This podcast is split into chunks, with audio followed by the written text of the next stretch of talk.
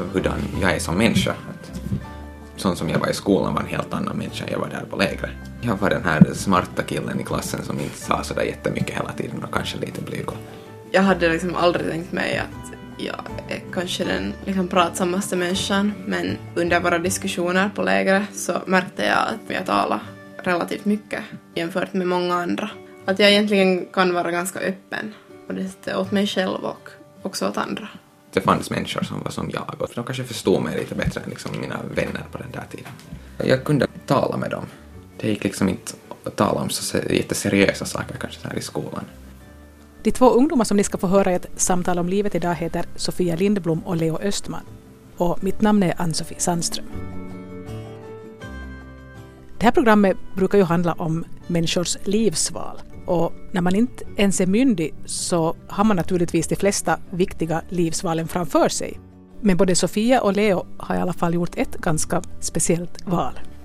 Jag har gått skriftskola men jag har också gått på ett protoläger jag ville inte gå på skriftskola.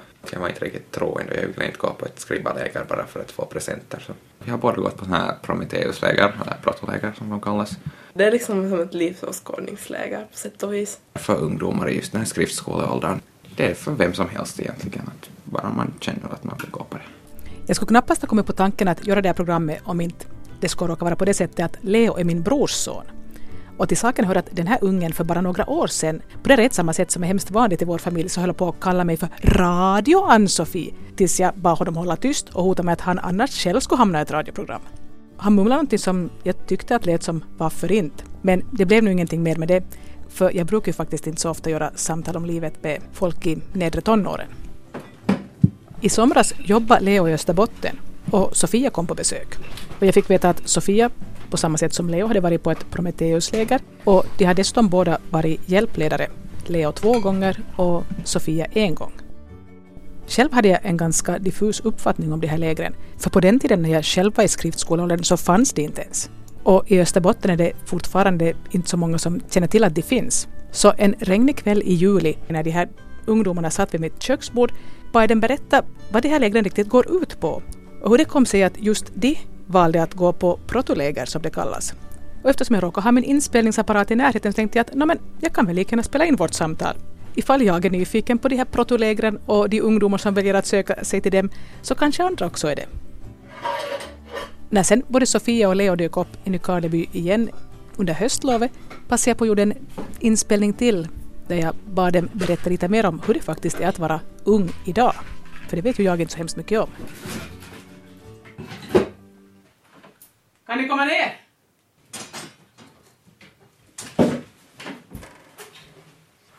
Det är lite kallt. Det är vad får Han tycker att hans spel är viktigare än att komma ner.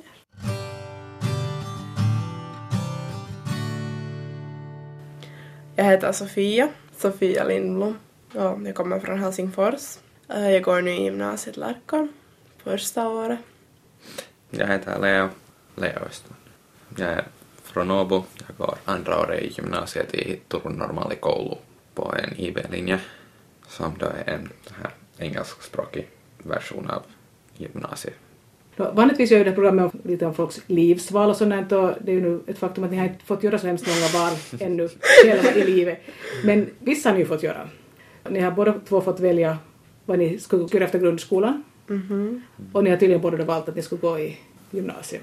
Och så nämndes det redan att de båda två har gått på Prometheusläger.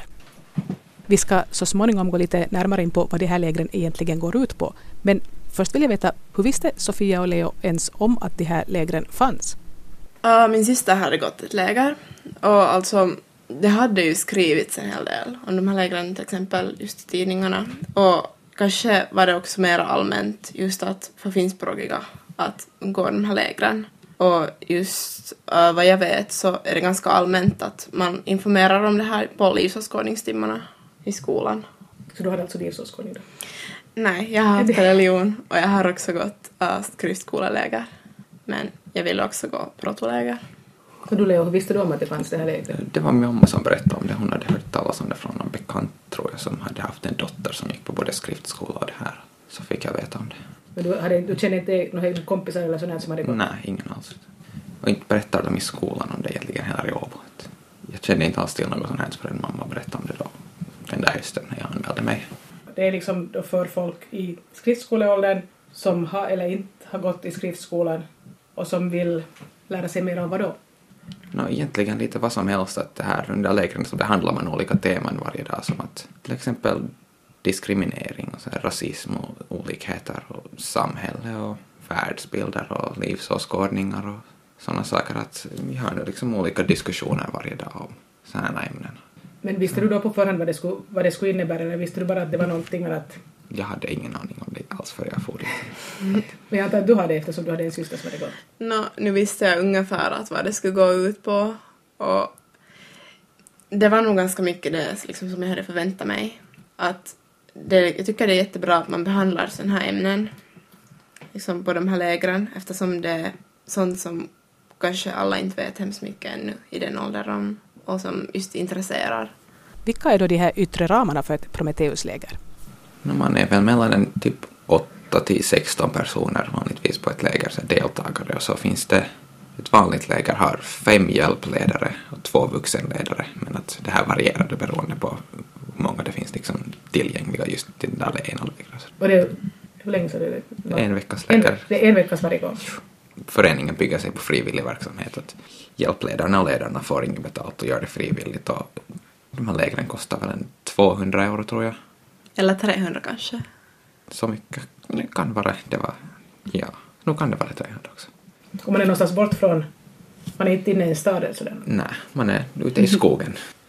Vi har ganska många så här, vad heter det, leirikeskos läger liksom ställen som vi har haft i flera år. Det finns runt om i Finland men ganska mycket kan man säga att det finns just i Nyland. De här svenskspråkiga lägren brukar ordnas på ungefär samma ställen varje år. Det, det ena i Sago och så finns det ett i Nox, tror jag det är. Och sen var det väl i Nummela. Det var just i Åboland, det läger som jag var på i somras och mitt eget läger ordnades på samma ställe. Det är i Sago, men att det är i skärgården då ju. Och... Men inte som måste med båt eller? Nej, nej. nej. Har ni båda gått på svenska? Jag gick inte mitt eget läger på svenska. Jag gick ju det på finska. Och när jag utbildade mig till hjälpledare så kunde jag då välja ifall det skulle vara okej okay för mig att gå och, som hjälpledare på ett svenskspråkigt läger. Och det var ju helt okej okay för mig så. Det ordnas bara två, två, tre svenska läger varje sommar. Och de blir nu, no, ibland blir de fulla, ibland inte. Så att, och inte är det så att alla vill bli hjälpledare heller, men att nu i år var det faktiskt en viss gallring när det kom till hjälpledarna på svenska lägren. Men vad jag har hört så brukar det inte vanligtvis vara det. Utan att anmäler man sig till att vara hjälpledare på ett svenskt läger så då blir man det också. Vad är det minsta antalet som får vara? Jag tror att det är sju som är det lägsta antalet, men att jag känner nog folk som har varit på läger med bara sex deltagare och där så fick de här hjälpledarna så veckan före lägret så hade de bara fem deltagare så de ringde åt sina vänner och frågade om de ville komma på det här lägret så fick de en deltagare till och så blev det det här lägret. Vilka är kraven på lägerdeltagarna då, när det gäller ålder och sånt? Man kan komma som just 14-åring, det är helt okej. Okay. Mm. det har också funnits någon gång hänt att just någon 13-åring har kommit, men det är mer sällan. Men allmänt är det ju att man går där just samma år som skriftskolan brukar vara. Sofia var både på skriftskoläger och Prometheusläger samma sommar. Jag ville liksom kunna jämföra det. Eller liksom också... Jag hade inte kanske så hemskt mycket att göra den sommaren, så jag ville liksom pröva både och. Och sen, människor har haft olika erfarenheter. Några har tyckt att protoläger har varit roligare, några har tyckt att skriftskoleläger har varit roligare, så jag ville se hur det skulle vara för mig själv. Och vilket var roligare? Jag tycker att protoläger var roligare.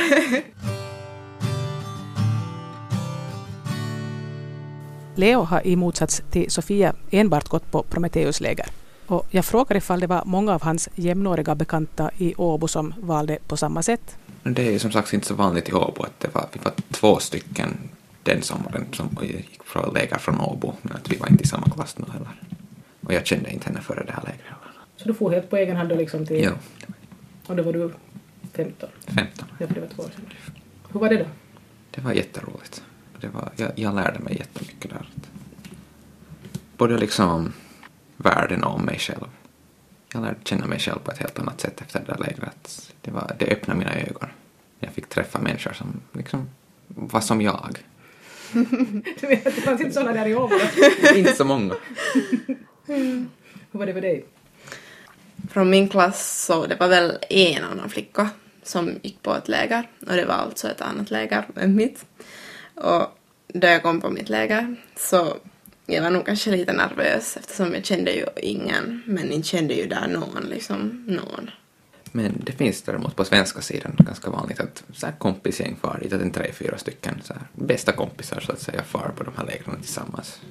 Att jag har nog stött på det flera gånger på alla de läger som jag har varit på. Alltså, hur många läger har du varit sen? Du har varit hjälpledare också? Jag har varit hjälplärare på två läger nu. Vi konstaterade tidigare att Prometheuslägren verkar vara ett ganska okänt fenomen i Österbotten. Jag har inte ännu träffat en enda så här protomänniska som ska vara från Österbotten. Att de flesta kommer från huvudstadsregionen och sen södra Finland egentligen. Alltså vår vuxenledare sa ju att det händer ju att någon kommer på läger just från Österbotten men det är nog ganska sällan. Det kanske borde ordnas läger i Österbotten. Kanske det borde göras så, men det är någonting man kan ta upp med det här, vad heter det, ledningen. Och problemet här i Österbotten är också att det, det berättar inte liksom riktigt om det här att, att om man har gått på ett läger så kommer man och berättar i sin egen skola åt de som då är nu några år yngre, men att när det aldrig går någon här så kan ingen komma hit och berätta heller.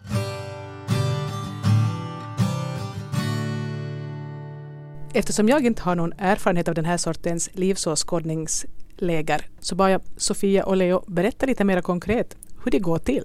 No, man kommer på lägret och vi brukar ge någon slags uppgift liksom, där man ska berätta om sig själv eller liksom typ rita någonting. Och sen det där så går vi igenom dem och man får sen alltså berätta om sig själv i grupp lite, att varifrån man kommer och vad man heter och intressen man har. Och ganska mycket så grundar sig liksom den första dagen just på det att lägerdeltagarna ska lära sig känna varandra. Och vi har sen till exempel lekar som främjar det här. Ja, de här första dagarna, två, tre första dagarna just sådana att det är ganska enkelt att man har lekar så de lär känna varandra, lite diskussioner så de kanske får så här personliga saker, veta sånt om varandra. Men sen mot slutet av veckan så har man nog så här att liksom, det finns sådana här programpunkter som man skulle kunna säga att det är krävande. Det är sådana saker som det kan vara tungt för vissa människor att tala om. Jag skulle säga själv att det är jättebra att få tala om sådana här saker med människor om man aldrig tidigare fått någon möjlighet att göra det. Och alltså, det är ju också helt frivilligt att vad man vill berätta om sig själv. Men det kan ju kännas otroligt liksom bra att man någon gång kan berätta om sådana här lite tyngre och allvarliga saker. Som man just kanske inte har diskuterat med någon tidigare. Är det då så att de som söker sig till de här lägren kanske redan från början nog är mer beredda på att just lära känna sig själva bättre och sånt också? Jag skulle nog säga det ju att liksom, på alla de läger jag har varit på så är det så att det, folk är intresserade för det mesta av det som sker där och de vill liksom delta i programmet och de får dit för att liksom få ut någonting av det.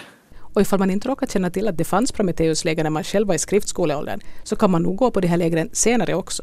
Alltså nu kan man ju gå läger också när man är vuxen. Att vi har seniorläger och vuxenläger. Och seniorläger är väl för när man kan vara 16 till 20 typ. Jo. Och vuxenläger så det finns ingen övergräns. Att man kan vara hur gammal som helst. Jag hörde en berättelse om att det var ett vuxenläger det var, så här, det var en grupp 50-åriga liksom, ingenjörer som höll på och lekte där. Såna som jag har talat med som har gått vuxenläger så de har ju sagt att främst har de gått det liksom därför för att deras vänner med såna som har gått proto och sen har de velat också göra det. Så sen, men de har varit liksom för gamla så sen har de gått på vuxenläger. Men det är samma organisation som, som ordnar det här? Ja. Jo. Och de frågor som man då huvudsakligen tar upp, alltså Ja, Alltså det finns ett schema och det är noga planerat. Att, men det finns en lista på teman som, som är föreslagna att man ska ha. Det är förstås att de som drar lägret får ju bestämma själva. Men att det är de här teman är då olikheter, diskriminering, rusmedel och beroenden, samhälle, sexualitet och relationer, världsbild och livsåskådningar och framtiden är de här sex huvudämnena, Om jag kommer ihåg rätt. Om man har dem i en sån ordning så att, så att det blir naturligt att det här olikhet och diskriminering har man oftast i början för att det är något som är lätt att tala om medan liksom sen världsbilder där man måste dela med sig av personliga erfarenheter så här, eller måste, måste. Men om man vill så kan man göra det. Så det är svårare och då är det bättre att ha det i slutet av veckan när gruppen liksom har lärt känna, sig, känna varandra och Ja, det är ju inte säkert så himla lätt att uttrycka i ord vad man har för världsbild. Jag menar, någon frågar, vad har du för världsbild? Ehm, ja, det är inte sådär bara att svara med Nej, det- tre enkla meningar liksom. Inte precis så, alltså nu har man märkt liksom som hjälpledare att det kan ju vara svårt för vissa. Men om vi tar det liksom upp på ett sånt sätt så att alla kan få någonting ur ämnet så sen så lyckas det oftast på något sätt. Men är det så att man kan vara hjälpledare första gången en år efter man själv har gått? jo. Jo, man kan. Så ska man vara hjälpledare tre gånger totalt tills man då är ja, 18-19 år. Och sen efter det så, om man vill, så kan man bli vuxenledare istället efter att man har fyllt 20. Men då ska man ha varit med ganska just då några gånger än i... Inte nödvändigtvis, utan man kan, det finns vuxenledare som kommer utifrån organisationen och bara blir ledare utan att någonsin har liksom ens hört talas om det här tidigare. Vi behöver ju sån här liksom vuxenledare som kommer utifrån organisationen. Att speciellt sådana här liksom äldre personer är jätteviktiga för oss eftersom just sådana här vuxenledare så de kan liksom ha helt nya, komma med sådana nya idéer som liksom hjälper oss att utveckla de här lägren. Att till exempel du skulle kunna bli vuxenledare.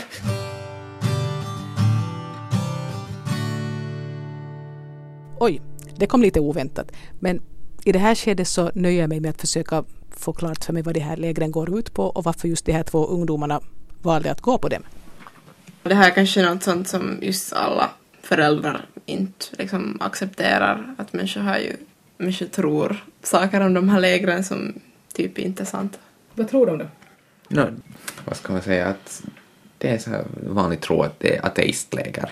Men det stämmer inte att det är helt liksom, religiöst obundet och det är helt för vem som helst egentligen oberoende av bakgrund. Då berättar folk då också, berättar ni då för varandra vad ni själva tror på, om ni tror på någonting överhuvudtaget eller sådär, eller tar man upp det också på det sättet? Det beror ju på lägren förstås. Och de som drar lägret. Så att om man vill diskutera så här lägerdeltagarnas världsbilder och liksom just om de tror på typ gudar eller någonting i den stilen så att då kan man ju ha det. Jag har nu fått den här bilden av att de flesta som går där är ändå så lite hardcore ateister. Det är det. Ja. Men det här är inte, ändå inte ett läge för att skola folk till hardcore ateister. Nej, det är det inte. Nej. Men man kan ju bli det ändå efter det. Om man kommer fram till det. Alltså det viktiga är just att man ska liksom själv ge svar på frågor åt sig själv. Att man ska just tänka liksom själv. Och man ska just, om man till exempel tänker att det finns Gud, så sen ska man kunna liksom svara på det själv. Typ efter det. Då vad svarar ni på det då? Jag säger att äh, Guds existens är en trosfråga. Jag har inte den här tron inom mig för att kunna ge ett svar på den här frågan. Jag varken vet om Gud existerar eller om han inte existerar. Alltså, jag är ju definitivt, så jag kan inte säga att jag skulle vara re- religiös. Men det finns nog någonting i det ändå, liksom lite, något som liksom intresserar mig kanske på något sätt. Men jag kan nog inte säga att jag skulle liksom typ tro på Gud.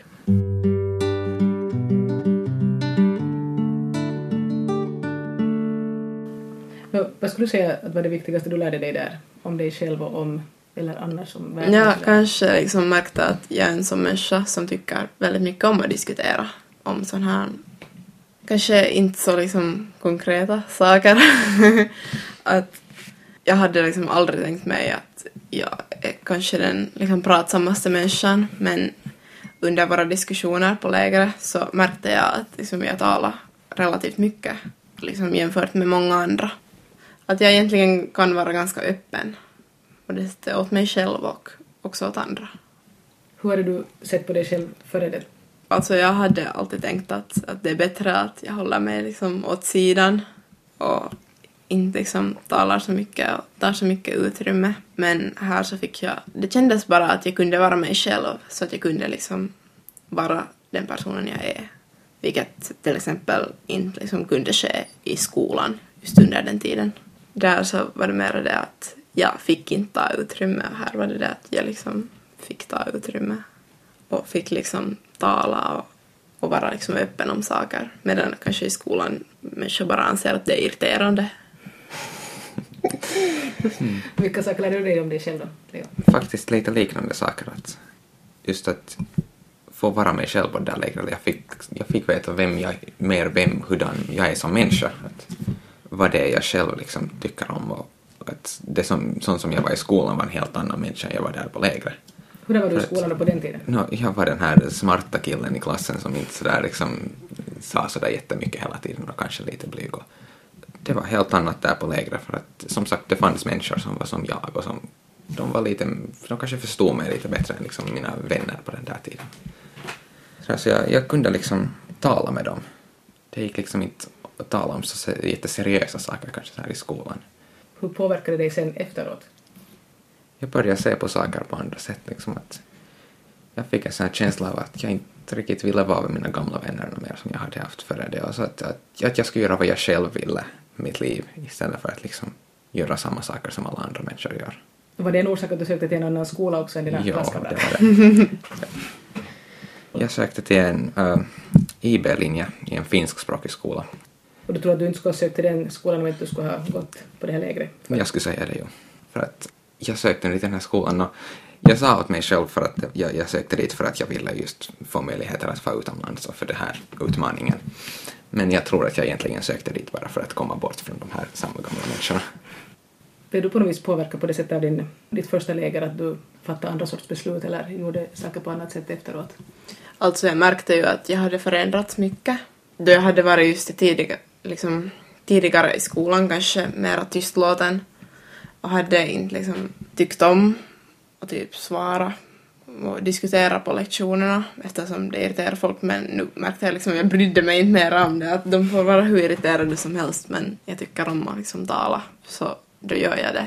Jag tror att det är ganska ovanligt att ändå att folk så pass unga tvingar sig eller tvingas eller får möjligheten att tänka igenom vem de själva är och hurdana man är. För det är sånt som brukar komma med den här hårda vägen när folk har gått på en del smällar i livet och förlorat något jobb och skilt sig någon gång och fått några oönskade barn och sådär. Det det skedet som folk brukar börja tvingas börja tänka på att vem är jag egentligen och vad håller jag på med, vad, vad är det riktigt jag vill? Att det där att medvetet försöka tänka efter vad man vill när man är sådär pass ung, det är ju ganska lyxigt egentligen. Det är bra men att det är sällan folk gör det eller på något vis uppmuntras till det. För att vanligtvis går ju folk bara på något vis med någon sorts med strömmen och de gör nog som andra gör. Det blir ju sådär att man slumpmässigt väljer att göra si eller så. Och först mycket senare kommer på vad man egentligen trivs med att göra. Nu är det ju så här fortfarande liksom att saker förändras för mig och liksom att jag är nu ganska ung, jag, jag är jätteung nu, ska jag säga. Men att, så att jag kan ju riktigt säga liksom vad det är jag vill och vem jag är så här egentligen. Men att nu för tillfället så har jag ändå mina aningar. Och det är liksom, det är inte någonting, jag tror liksom jag inte skulle ha fått det där om jag inte skulle ha gått på det lägre, för jag skulle inte liksom börja tänka på de här sakerna annars. Det är inte någonting som kommer till sådär bara, att jag ska bara ha, som du sa, gått med strömmen och farit i samma gymnasium som alla mina vänner och varit med dem och, och efter liksom nio år i samma skola så är det jättesvårt att bryta de där rollerna. Att, Alltså speciellt hemskt är det ju om man blir liksom mobbad som liten. Alltså det var ju mitt fall. Blir du mobbad? Jo, alltså jag var tre år. Och liksom jag minns det ännu också såklart. Men jag, har, tror att det har påverkat mig på ett negativt sätt. Att jag har just kanske blivit mer tillbakadragen på grund av det. Men det var liksom det jag började på dagis. Och jag minns att jag var ganska rädd liksom hela tiden. Och att det fanns liksom ett sånt här gäng av äldre barn som gick efter mig. Jag minns inte precis vad de gjorde men jag var jätterädd hela tiden. Jag minns nog att liksom, jag ville inte gå där. Jag bytte sen men jag var ändå, jag kunde inte liksom få vänner ändå på samma sätt för att jag var ganska rädd i allmänhet. Det är just kanske en sån roll som har skadat mig på lång sikt. Men du tycker att du brutit dig ur det nu?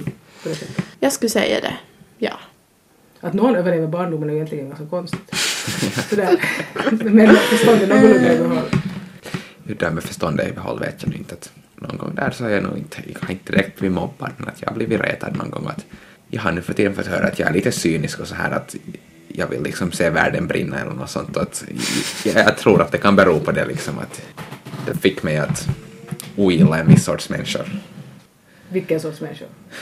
No, den sorts människor som jag som det var då de här liksom pojkarna som skulle vara stora och starka och stöddiga som liksom som inte kunde värdera intelligens och så liksom att det var just för att jag var den där smarta killen som, som de gjorde det. Var det, just, var det i lågstadiet eller var det senare? Det var mot slutet av lågstadiet och början av högstadiet. Och det var pojkar alltid? Ja. När jag dessutom spelade fotboll med de där pojkarna och inte var sådär jättebra på det så att ja, det gick nu som det gick. Då när jag gick i högstadiet att då hade, det var jag och så mina vänner och de var också lite så här som jag att lite smartare och sa inte lika mycket.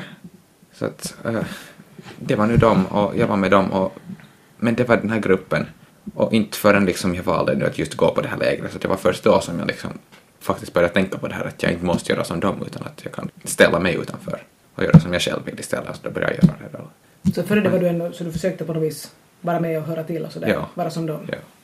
På något sätt så gjorde det mig ändå liksom mer så här lite arrogant som om jag har liksom smått mervärdeskomplex av det där. Jag, jag, känner, jag, jag, får en känsla av att jag är bättre än dem genom att stå liksom utanför fast det är ganska löjligt egentligen.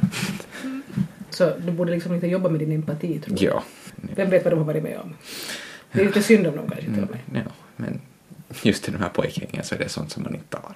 Nej, no, det, det kan jag tänka mig till pojkgängen och ge mig, det, för det, liksom, det förväntas inte. Men att tänk om man skulle börja, vad skulle hända då? Jag försökte faktiskt nog någon gång här efter det här lägret men att det blev aldrig till någonting. De Sprang de bort de ville inte bara tala. Kanske de inte var mogna för något sånt. Mm. För det hör ju inte den här pojkrollen antar jag, att man ska säga hur man egentligen känner någonting Mm. och hur man upplever någonting, utan man ska bara spela den rollen som man har. Ja. När Leo säger att han valde att på något vis frivilligt ställa sig utanför den grupp där han ändå inte passade in, så låter det där hemskt bekant. För det var på det sättet som min bror hanterade tillvaron när han var i tonåren. Jag kan ju inte undgå att märka hur du på sätt och vis hanterar tillvaron på samma sätt som din far. ja. Så jag går och blir som honom. Nej, det behöver du inte. Det, det, det behöver du inte. Det behöver du inte. Man kan ju också välja själv där. Ja, ja. man påverkas av sina föräldrar, det, det är bara så. Mönster går igen, Ja. på gott och ont.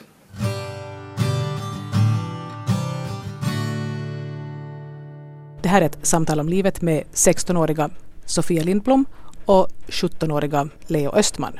Och den här inspelningen gjordes i Nykarleby dels i somras och sen också på höstlovet eftersom jag råkar vara Leos faster. Och jag försöker minnas hur det var att vara i den där åldern, att vara så ung. Och jag kommer ihåg att jag hade hemskt svårt att veta vad jag ville bli. Jag visste bara ganska mycket vad jag inte ville bli. Så jag frågade hur det är med Sofia och Leo. Har de alls någon aning om vad de kommer att vilja ägna sig åt i framtiden? No, ja, jag med att jag nu går på IB-linjen så här internationellt så jag har tänkt mig att få utomlands så jag skulle vilja studera typ ekonomi eller fysik eller någonting i den stilen. Men vi får nu se hur det blir. Ja, kanske ett, tag var jag intresserad av psykologi men det var det får. Jag läste en, jag, jag tyckte om psykologi för ett år sedan och sen hade jag en psykologikurs i gymnasiet som var det att nej, det enda jag egentligen lärde mig där för den där kursen var Freud. Problemet är att jag kan inte läsa både psykologi och kemi nu det här och jag vill, jag skulle, jag skulle, jag vill hellre läsa kemi än psykologi. Så du menar, det kan hinna ändra här nu så länge du går i gymnasiet? Ja. men-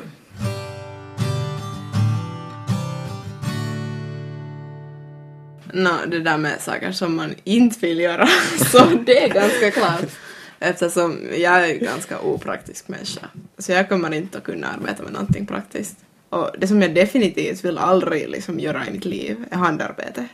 Liksom, jag vill aldrig göra handarbete. Det är liksom något sånt som jag kommer att undvika hela mitt liv. Och min mormor sa att, att Sofia, att vad, vad om du skulle börja nu sticka här nu någonting? Och sen sa jag nej, det går inte. Och sen när jag sa att jag vill aldrig göra handarbete i mitt liv, sen sa hon att jag får inte säga sånt. Jag tyckte faktiskt om textilslöjd men att jag valde träslöjd till slut ändå. Jag har hemma en kudde som jag sitter där som jag nu använder ibland.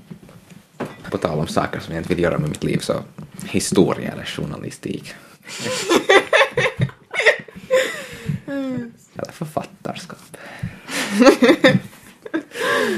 Munterheten som uppstod i och med att Leo sa att han inte vill ägna sig åt varken historia eller journalistik beror på det att det är just det som hans föräldrar gör. Min bror, alltså Leos far, utbildar sig till journalist och är numera författare medan Leos mamma är historiker och jobbar på Åbo Akademi. Fast Leo medger att han egentligen nog är ganska intresserad av just historia. Men eh, det är inte egentligen någonting som jag vill liksom hålla på med. Det är bara mer så liksom litet fritidsintresse. Det finns så mycket annat som jag hellre skulle göra istället för det. Som att bli ekonom eller syssla med finans och vara rik.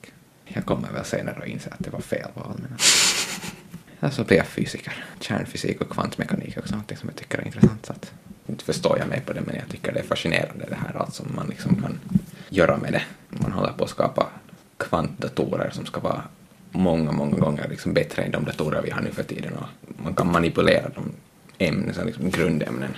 Kvantmekanik handlar då liksom om de allra minsta beståndsdelarna av det här universum. Liksom. Det här, vad heter det? Mindre liksom subatomic particles. Delar som är mindre än ja, atomer, ja, inne- ja, ja, delar, ja, liksom. ja, det är sådana Ja, saker.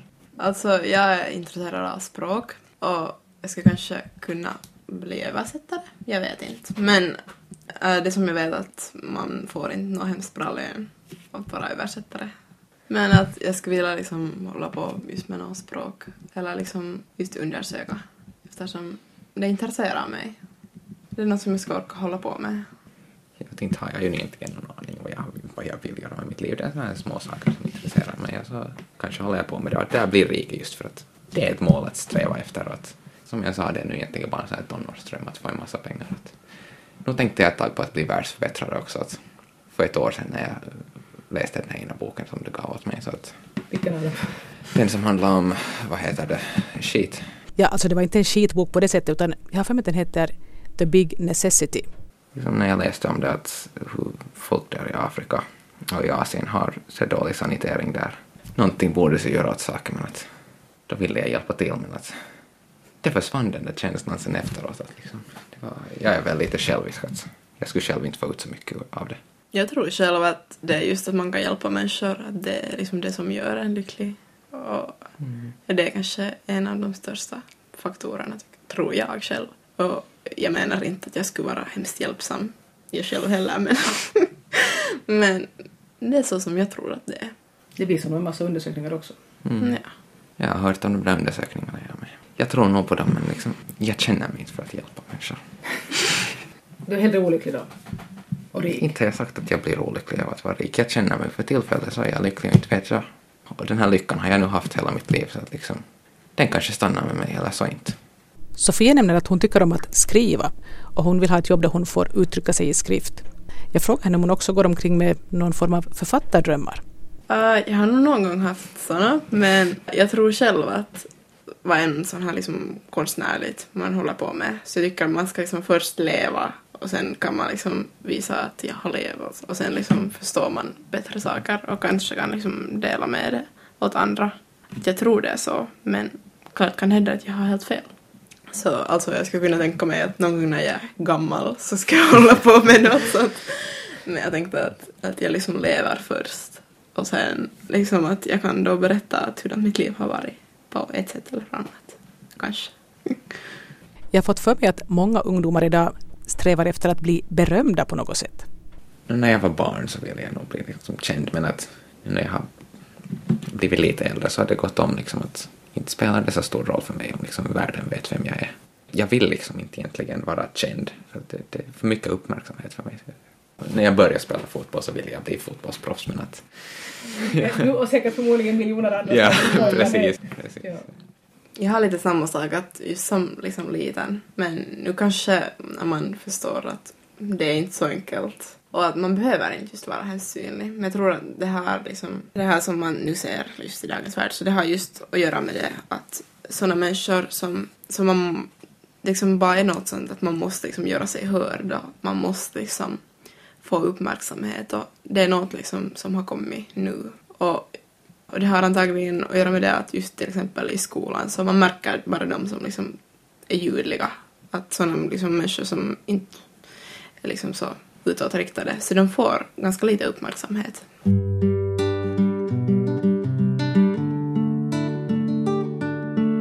Det här är ett samtal om livet med Sofia Lindblom som är 16 år och Leo Östman som snart ska fylla 18. Och nu märker jag att jag håller på att ställa en riktigt tantfråga. Men jag är ändå nyfiken på hur är det att vara ung idag? Vilka saker går man och funderar på och vad är det man kanske oroar sig för? Man börjar märka att tiden går hela tiden snabbare. Det är jätteskrämmande. Fast man är så ung ändå så märker man saker och, och åtminstone när jag brukar tala med min pappa så säger han att, att snart måste du betala ditt bostadslån och, Och snart så är du 30, att det är inte många år tills du är 30. Och vad händer då?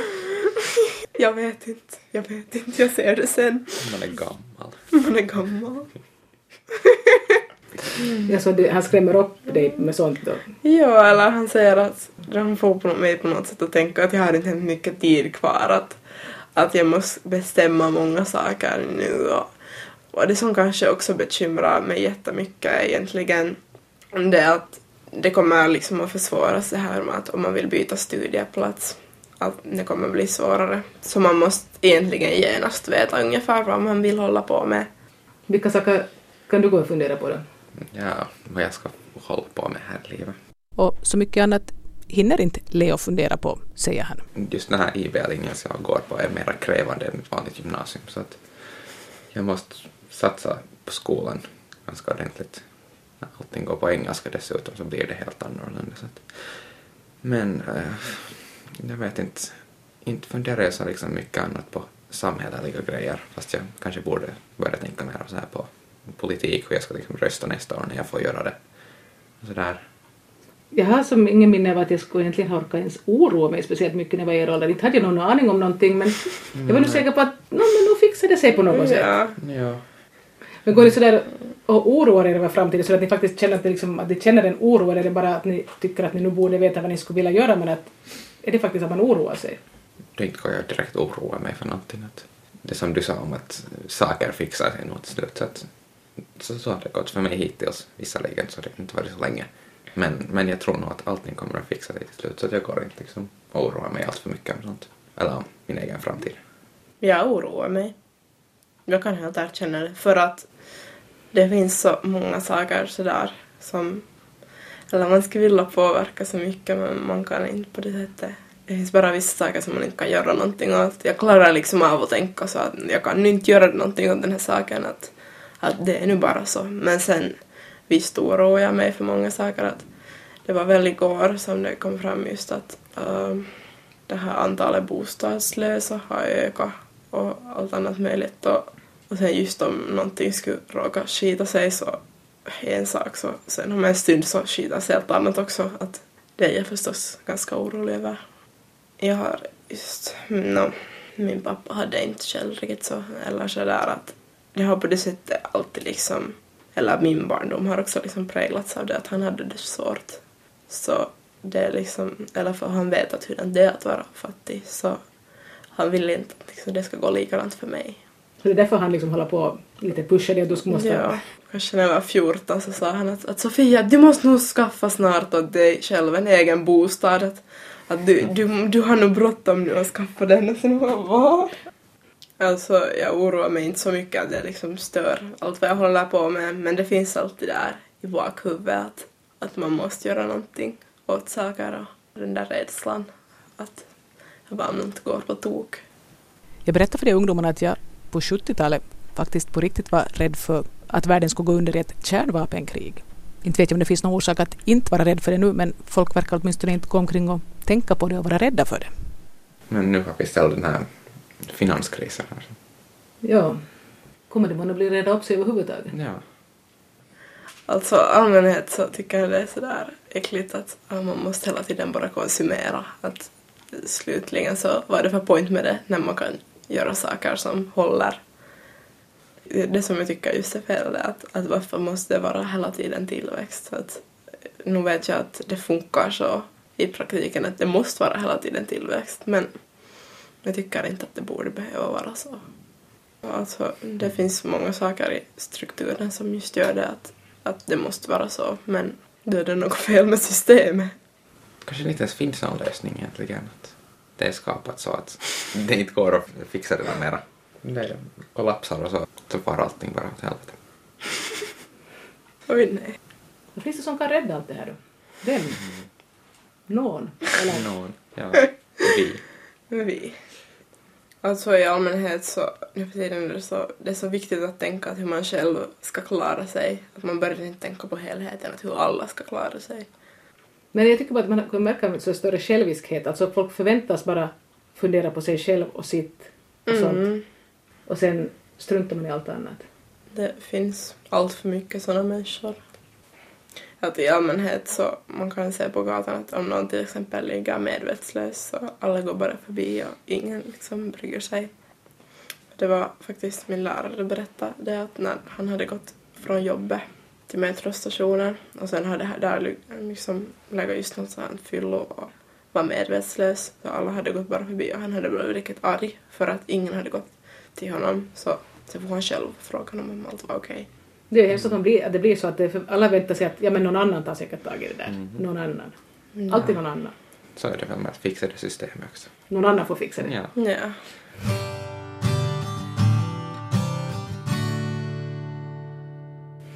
No, om ni skulle liksom försöka fantisera hur ni, hur ni skulle vilja att världen skulle vara om 10-20 år, om, ni skulle, om det skulle bli som ni skulle vilja att det skulle vara. Vad skulle vara annorlunda? Färre människor.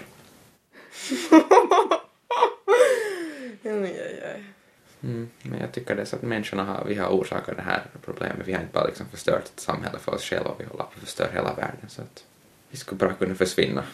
Mm, jag tycker man skulle kunna minska utsläppen ganska sådär radikalt. Eller det som just irriterar mig, men liksom, man kan inte komma i världen överens om att, att hur mycket något ska minskas. Att just stormakterna så har de stora problem med att få det här fixat och, och förstås vissa andra också. Ja, men därför, just därför tycker jag att vi skulle liksom bara kunna försvinna vi människor för vi håller på att förstöra hela den här planeten och se till att inget annat kan leva här. Så att, liksom, om vi nu så så kan vi ju istället bara försvinna och låta djuren leva kvar här. Men hur skulle det i praktiken gå till det här försvinnandet? Det har jag ingen aning om. Du har ingen sån plan hoppas jag? Nej, inte ännu. Det låter som terrorism. Det är väl inte sånt du funderar på? Nej. Så du menar man ska bara frivilligt lägga sig ner och dö liksom? Mm. Rädda världen genom att dö. Det tror jag går liksom mot människans instinkt för det brukar vara så att trots allt så vill man ändå överleva. Ja. Men det är inte bara det att det finns för många människor på jordklotet men att när de finns på samma ställe, liksom största delen. Och det är en liten del som konsumerar otroligt mycket mm. av det som mm. finns att konsumera. Ja. Och vi hör nog också till dem. Mm. Och sen är det är så ojämn fördelning just på alla rikedomar. Det är nog någonting att oroa sig över. Mm. Ja, för det leder till samhälleliga sådana, vad heter det, unrest, vad heter det, att det blir att det blir liksom konflikter och sånt i samhället mm. som kanske inte finns så mycket av ännu här. Och inte bara inom liksom, länder utan i hela världen. När, när en liten del av världen konsumerar det mesta så vill resten av världen konsumera lika mycket. Så blir det sådär. Så blir folk arga och så blir det så här liksom unrest i hela världen. Och då blir det så att alla börjar tänka på bara hur de ska rädda sig själva. Mm. Och så vill man ju inte ha det. Mm. Mm. Kanske man borde bli världsförbättrare ändå.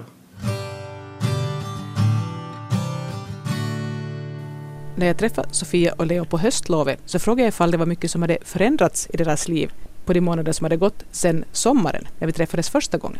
Jag känner liksom att jag har ännu mer press på mig än tidigare och att just det här med att man måste göra alla val väldigt snabbt.